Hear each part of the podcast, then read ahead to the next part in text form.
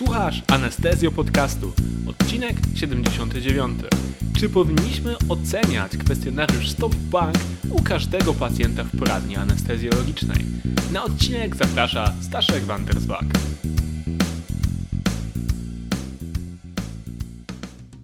Cześć, cieszę się, że jesteś i że po raz kolejny odtwarzasz Anestezjo Podcast. W dzisiejszym odcinku będziemy mówić o temacie, który z dnia na dzień w naszej anestezjologicznej praktyce staje się ważniejszy. Tytuł dzisiejszego odcinka to Czy powinniśmy oceniać kwestionariusz Stop Bank u każdego pacjenta w poradni anestezjologicznej? I może zastanawiasz się, dlaczego ja w ogóle o tym mówię i dlaczego w ogóle wysuwam taką hipotezę. Otóż obturacyjny bezdech senny, czyli obstructive sleep apnea, OSA, to jest rzecz, która ma realny wpływ na powikłania okołooperacyjne. W Ameryce ponad połowa pacjentów z obturacyjnym bezdechem sennym, która zgłasza się na zabieg operacyjny, nie ma postawionego rozpoznania choroby. Biorąc pod uwagę, że problem otyłości narasta, według ostatnich danych, którymi dysponujemy, Polska jest na piątym miejscu, jeśli chodzi o liczbę osób otyłych powyżej 20 roku życia w Europie. Już 23% Polaków łapie się w widełki otyłości, czyli ma BMI 30 lub większe. I kiedy ta epidemia otyłości narasta, spodziewać się możemy niestety równolegle wzrastającego odsetka pacjentów z obturacyjnym bezdechem sennym w naszych ambulatoriach. Kiedy screening ma sens, czyli kiedy sens ma właściwie zastosowanie kwestionariusza Stop Bank?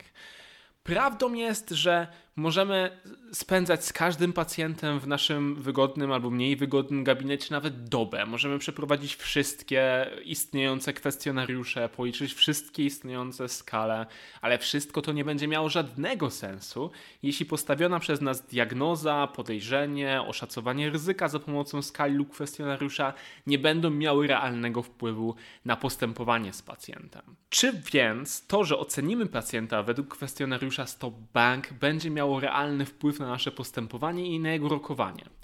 W wytycznych SASM, czyli e, Towarzystwa na Rzecz Anestezjologii i Medycyny Snu. Te wytyczne zostały opublikowane w Anesthesia and Analgesia.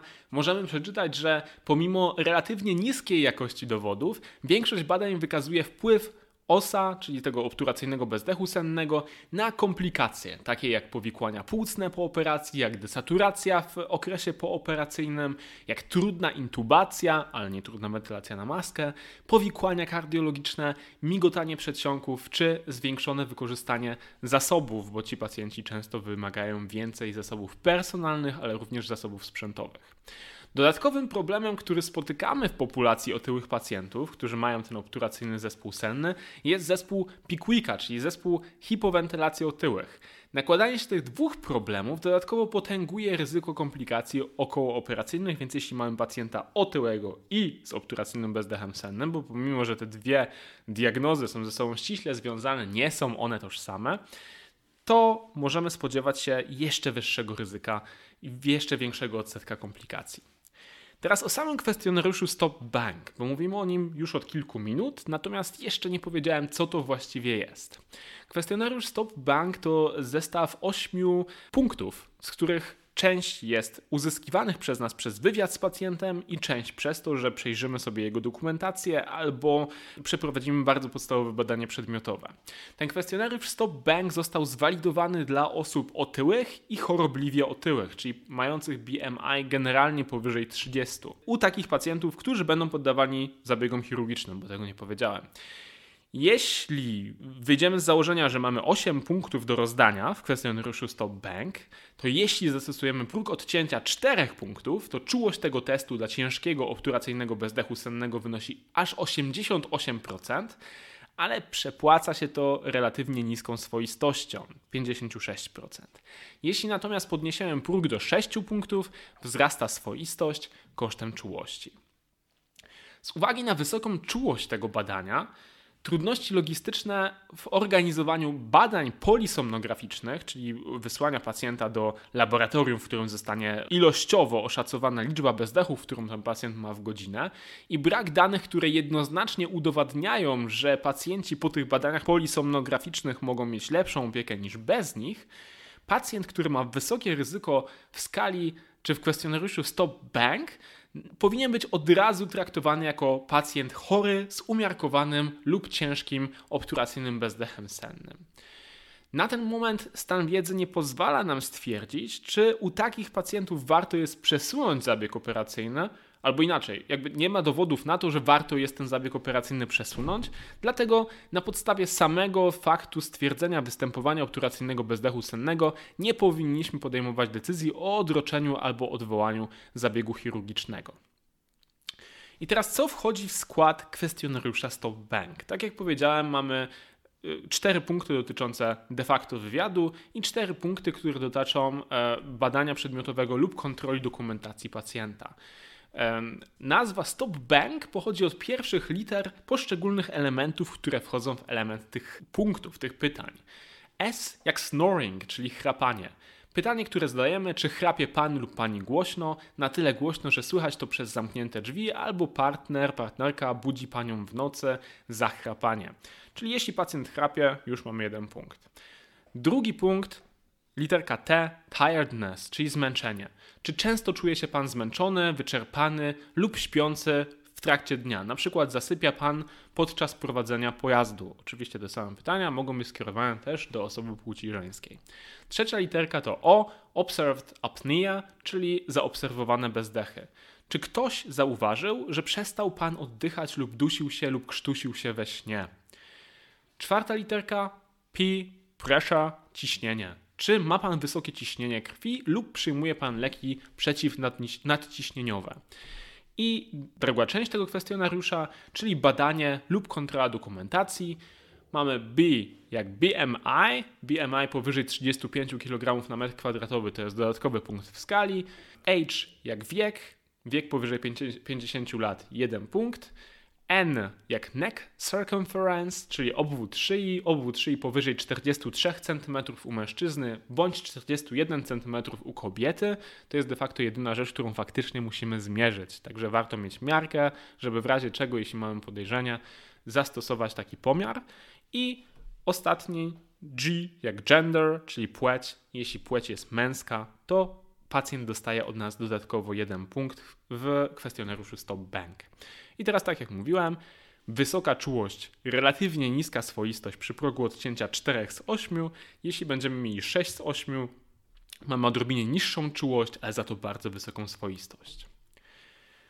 Ważne pytanie, które musimy sobie zadać, jeśli już przeprowadzimy ten kwestionariusz Stop Bank i uznamy, że pacjent jest objęty ryzykiem okołooperacyjnym, to powinniśmy zapytać się, czy pacjent z podejrzeniem obturacyjnego bezdechu sennego powinien mieć wykonane dodatkowe badania przed operacją?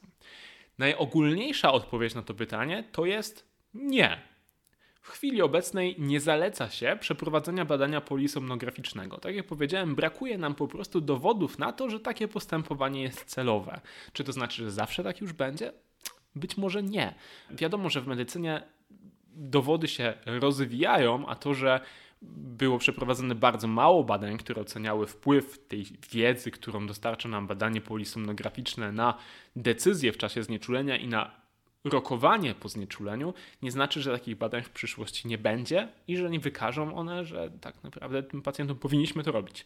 Natomiast na chwilę obecną żadne towarzystwo z kilku, których wytyczne analizowałem, nie zaleca nam tego, żebyśmy takie badanie polisonograficzne przeprowadzali.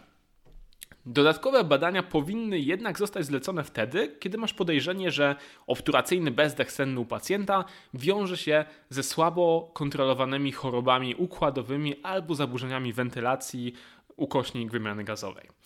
Przykładami są na przykład te zespoły hipowentylacji otyłych, ciężkie nadciśnienie płucne, hipoksemia w spoczynku, aczkolwiek umówmy się, nie? jeśli mamy pacjenta, dowolnego pacjenta, nawet bezobturacyjnego, e, bezdechu sennego w swoim gabinecie, który przychodzi do nas do tego, żebyśmy przygotowali go do znieczulenia i widzimy, że ma ciśnienie płucne albo hipoksemię w spoczynku, no to jakby niezależnie od tego, czy ma osa, czy nie, będziemy chcieli prawdopodobnie zlecić mu dodatkowe badania. Czyli ostatecznie możemy umówić się, że pod tym względem postępujemy w zasadzie tak, jak z każdym innym pacjentem bez podejrzenia obturacyjnego bezdechu sennego. No i teraz zapytacie mnie pewnie, no, no to po co mam zbierać właściwie te pytania z tego kwestionariusza, jeśli i tak w postępowaniu przedoperacyjnym będę, się, będę postępował tak samo jak e, z innymi pacjentami. No więc moja odpowiedź na to jest taka, że tak jak nie będziemy zmieniać nic w postępowaniu przedoperacyjnym, tak dokonać możemy zmian w postępowaniu śródoperacyjnym, czyli w postępowaniu dotyczącym rodzaju znieczulenia, które zaproponuję pacjentowi, ale także w ramach jego wyrażania świadomej zgody i procesu informowania go o tym, co możemy zrobić, mamy w ręce dodatkowy argument, którym możemy przekonać go w stronę jednego zamiast innego znieczulenia. Więc kwestionariusz Stop Bank może znaleźć swoje zastosowanie, bo tak jak powiedziałem, po wysunięciu podejrzenia obturacyjnego bezdechu sennego powinniśmy poinformować tego pacjenta o tym, że ryzyko jest podwyższone, a sami natomiast dzięki tej świadomości możemy tak zaplanować znieczulenie, by ograniczyć ryzyko kilku elementów. I są elementy, które mają udowodniony związek albo udowodnioną korzyść na um, stopień komplikacji u pacjentów z obturacyjnym bezdechem sennym. Więc pierwszą z takich rzeczy jest rozważne postępowanie farmakologiczne. Przede wszystkim jeśli słuchacie anestezją podcastu od początku, to wiecie już, że istnieje pewna grupa leków, z którą jest mnie po drodze i są to benzodiazepiny i Akurat w przypadku obturacyjnego bezdechu sennego mogę powiedzieć tak, mam na to naukowe dowody, ponieważ generalnie pa pacjenci, którzy dostają benzodiazepiny mają większą tendencję do obturacji w zakresie górnych dróg oddechowych, czyli tego, do czego ci pacjenci już tak czy inaczej mają tendencję. Także u pacjentów z obturacyjnym bezdechem sennym nie jest zalecana premedykacja benzodiazepinami ani używanie benzodiazepin na przykład w sedacji. Tak samo, kiedy dawkujemy tym pacjentom opioidy, szczególnie w okresie pooperacyjnym, powinniśmy zastosować ostrożność, bo jeśli ci pacjenci już mają niezdiagnozowany zespół hipowentylacji otyłych, a my dołożymy im do tego jeszcze opioidy, to pogarszamy ich sytuację i sprawiamy, że ta hipowentylacja będzie się nasilać, będziemy mieli jeszcze wyższą retencję dwutlenku węgla, co może się wiązać z zwiększonym ryzykiem komplikacji okołooperacyjnych. W pooperacyjnym postępowaniu przeciwbólowym kładziemy więc szczególny nacisk na analgezję multimodalną, by możliwe jak najbardziej oszczędnie gospodarować opioidami, co oczywiście nie oznacza, że pacjenci nie mają prawa do sensownej i skutecznej terapii bólu. Więc jakby leczenie pooperacyjne bólu u tych pacjentów jest sprawą, która wymaga powiedzmy większego przemyślenia i doświadczenia i być może odrobinę częstszego miareczkowania leków, czyli dawać pomniej, ale częściej, po to, żebyśmy mogli dopasować to postępowanie przeciwbólowe do realnego natężenia bólu, ale też nie skazywali pacjentów na cierpienie w okresie okooperacyjnym. Następna rzecz, o której musimy myśleć u takich pacjentów, to to, żeby przygotować się do trudnej intubacji, ponieważ obturacyjny bezdech senny został, został wykazany jako niezależny czynnik ryzyka dla trudnej intubacji, chociaż na szczęście nie do trudnej wentylacji na maskę. Czyli ty, tych pacjentów jakby jest tak samo trudno albo tak samo łatwo wentylować jak wszystkich innych pacjentów, natomiast warto być przygotowanym na trudną intubację. Już od samego początku zastosować ramping, czyli to uniesienie górnej połowy ciała u pacjentów po to, żeby wcięcie mostka i przewód słuchowy zewnętrzny były na tej samej wysokości. To zapewni nam optymalne warunki do intubacji tych pacjentów na sali operacyjnej.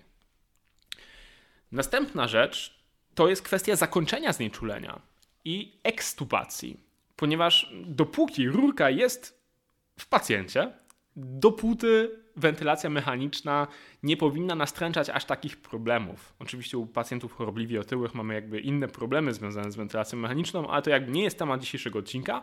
Tematem dzisiejszego odcinka są zapadające się górne drogi oddechowe.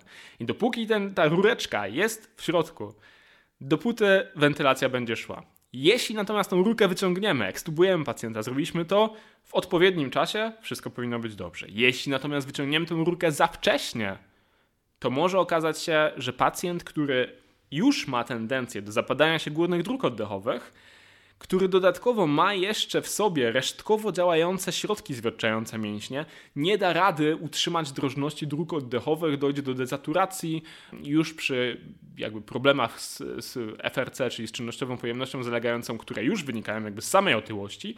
I Efekt końcowy będzie taki, że tego pacjenta będziemy musieli zaintubować na nowo i to niestety w sytuacji wypadkowej, czyli w sytuacji nagłej, takiej, w której generalnie nie lubimy intubować pacjentów, bo nie mamy dostatecznie dużo czasu na działanie. E, także regułą u tych pacjentów powinno być to, że używamy środków zwietrzających mięśnie pod kontrolą relaksometrii i ekstubujemy tych pacjentów dopiero wtedy, kiedy TOF ratio wynosi co najmniej 90%, czyli ten stosunek ostatniej do pierwszej odpowiedzi to jest co najmniej 90%. Chyba o TOFie jeszcze nie mówiłem, w ogóle nie było żadnego odcinku podcastu o TOFie. To jest bardzo ciekawy temat w ogóle. Był e, naprawdę interesujący webinar z Europejskiego Stowarzyszenia Anestezjologicznego. Jeśli jesteście członkami tego stowarzyszenia, to możecie go sobie po angielsku obejrzeć w bibliotece webinarów. Był bardzo fajnie zrobione, bardzo mi się podobał.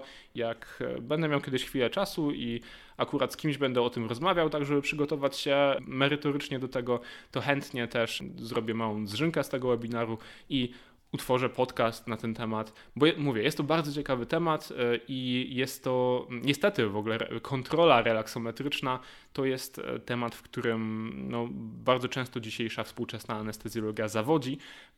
Nie tyle może ze względu na problemy z metodą, co na brak zaufania do metody i czasami brakującą umiejętność e, powiedzmy optymalizacji wyników pomiarów, które są tworzone. Ale tak jak mówię, to była taka dygresja, natomiast wa ważne jest to, że jeśli mamy to założone, to powinniśmy dążyć do tej wartości minimum 90%. Jeśli chodzi o sam dobór środków, środków zwietrzających, to na dzisiejszy dzień nie wykazano przewagi dla żadnego ze środka nad innymi. Nie udowodniono także różnic dla punktów końcowych między sugammadexem a neostygminą w tej populacji pacjentów. Czyli generalnie nie musimy e, wybierać żadnego konkretnego środka. Pozostawiam to Waszej preferencji pod warunkiem, że środek ten do końca prowadzonego przez Was znieczulenia będzie całkowicie, mm, całkowicie straci swoją moc i przestanie zwiotczać pacjenta. Następną rzeczą, na którą możemy e, pacjenta namawiać albo którą możemy mu wyjaśnić, jest to, że generalnie preferowalibyśmy w tej sytuacji anestezję regionalną. Ten punkt jest w zasadzie samotłumaczący się, prawda? I zaletą zastosowania kwestionariusza Stop Bank jest to, że możemy tego pacjenta poinformować. Wyższe ryzyko znieczulenia ogólnego, proponujemy znieczulenie regionalne, to i to możemy zrobić, żeby było lepiej. I oczywiście. Yy, kiedy pacjent nie jest znieczulony ogólnie, nie ma podanych leków, które wpływają na drożność jego dróg oddechowych i w związku z tym spodziewamy się niższego ryzyka, niższego odsetka powikłań. Ostatnią rzeczą, na którą chciałbym zwrócić Waszą uwagę, to to, że domowe leczenie, czy właściwie postępowanie w przypadku obturacyjnego bezdechu sennego, to od pewnego stopnia odcięcia, czyli właściwie w umiarkowanym i ciężkim bezdechu sennym, czyli tym, co możemy wyłapać na podstawie naszego kwestionariusza Stop Bank jest e, CPAP, czyli po prostu mm, urządzenia do pozytywnego ciśnienia w drogach oddechowych, dodatniego ciśnienia w drogach oddechowych, które ci pacjenci zakładają w postaci maski na noc. Pacjenci z OSA, którzy, mówię, mają rozpoznane to, tą chorobę w badaniu polisomnograficznym, takie urządzenie często mają i zabierają je do szpitala. Jeśli mają już je w szpitalu, to powinniśmy zalecić również, żeby wzięli to urządzenie ze sobą, żeby było ono dostępne dla nich na sali wybudzeń. Co więcej, zaleca się, żeby wszystkie placówki, w których operowani są pacjenci z obturacyjnym bezdechem sennym i umówmy się, na ten moment to oznacza już wszystkie placówki. Właściwie nie ma placówek, które nie operują już pacjentów z obturacyjnym bezdechem sennym, bo jest to problem również populacji pediatrycznej.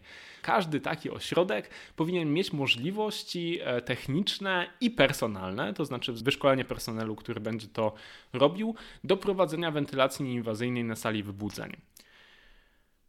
No, myślę, że wiele ośrodków już takie możliwości ma, ale czy wszystkie tutaj zostawiam znak zapytania. Tego po prostu nie wiem. Jeśli macie taką możliwość, możecie się pochwalić w komentarzach. Jeśli nie macie takiej możliwości, to możecie powiedzieć, e, czy uważacie, że by się Wam przydała, czy właściwie dobrze sobie radzicie bez tego i w jaki sposób. Chętnie e, się dowiem i chętnie poczytam. Więc kilka ostatnich słów podsumowania jeszcze, e, bo zadałem pytanie, które jest tytułem tego odcinka, czyli czy uważam, czy każdemu pacjentowi w poradni należy się ocena według kwestionariusza Stop Bank? Nie, nie uważam, że to się należy.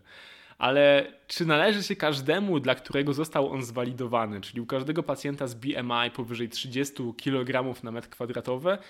Uważam, że tak. To, e, to znaczy, że około no powiedzmy 23, 24, może 25% pacjentów, którzy przychodzą do naszych poradni, powinni mieć według mnie zrobioną ocenę według kwestionariusza Stop Bank, dlatego że sama świadomość ryzyka, lepsze przygotowanie do trudnej intubacji, możliwość wyboru alternatywnego rodzaju znieczulenia, to wszystko może przyczynić się do zmniejszenia ryzyka, zwiększenia bezpieczeństwa i generalnie lepszych wyników terapii. A przecież ostatecznie o to wszystko nam chodzi, o to, że jako specjaliści opieki okołooperacyjnej chcemy dążyć do tego, żeby nasi pacjenci przez prowadzone przez nas znieczulenia przechodzili bezpiecznie. Więc tak, u każdego pacjenta z BMI powyżej 30 kg na metr kwadratowy, który przychodzi do mojej poradni, żeby przygotować się do znieczulenia, przeprowadzam kwestionariusz Stop Bank. Czy wy będziecie to robić? Nie wiem, ale myślę, że warto kiedy ma się już na tyle wprawy, że myśli się o tym automatycznie i nie trzeba sprawdzać za każdym razem tych pytań, to przeprowadzenie kwestionariusza Stop Bank zajmuje niecałe 30 sekund. To, co ja robię jeszcze w zakresie tego kwestionariusza, to to, że jakby nie mierzę domyślnie obwodu szyi, tylko mierzę obwód szyi dopiero w momencie, kiedy e, ten obwód po pierwsze wydaje mi się podejrzany na oko, a po drugie jakby rokuje na cały wynik w skali, bo jeśli już bez obwodu szyi mamy 6 punktów uzbierane, no to nie musimy tego mierzyć, bo wiadomo, że wynik będzie jakby powyżej naszego progu odcięcia. Jeśli bierzemy ten niższy próg odcięcia 4 punktów, no to tym bardziej u wielu pacjentów nie będziemy już musieli tego robić, bo z pierwszych pytań e, już będziemy mieli uzbierane 4 punkty. Tak naprawdę jest to bardzo mało wymagające i zasobożerne badania, a może przyczynić się do tego, że poprawimy bezpieczeństwo pacjentów. Ja to robię, polecam i mam nadzieję, że będzie Wam i Waszym pacjentom dobrze służyło. Tymczasem dziękuję Wam za uwagę i za wysłuchanie tego odcinka. Cieszę się, że mogliśmy spotkać się znowu. Następne nasze spotkanie myślę, że tym razem odrobinę wcześniej niż za 4 tygodnie, ale dajmy się zaskoczyć i poczekajmy na odcinek, który dzisiaj jeszcze będę nagrywał. Więc e, trzymajcie się, do usłyszenia, dużo dobrego podczas Waszych znieczuleń w.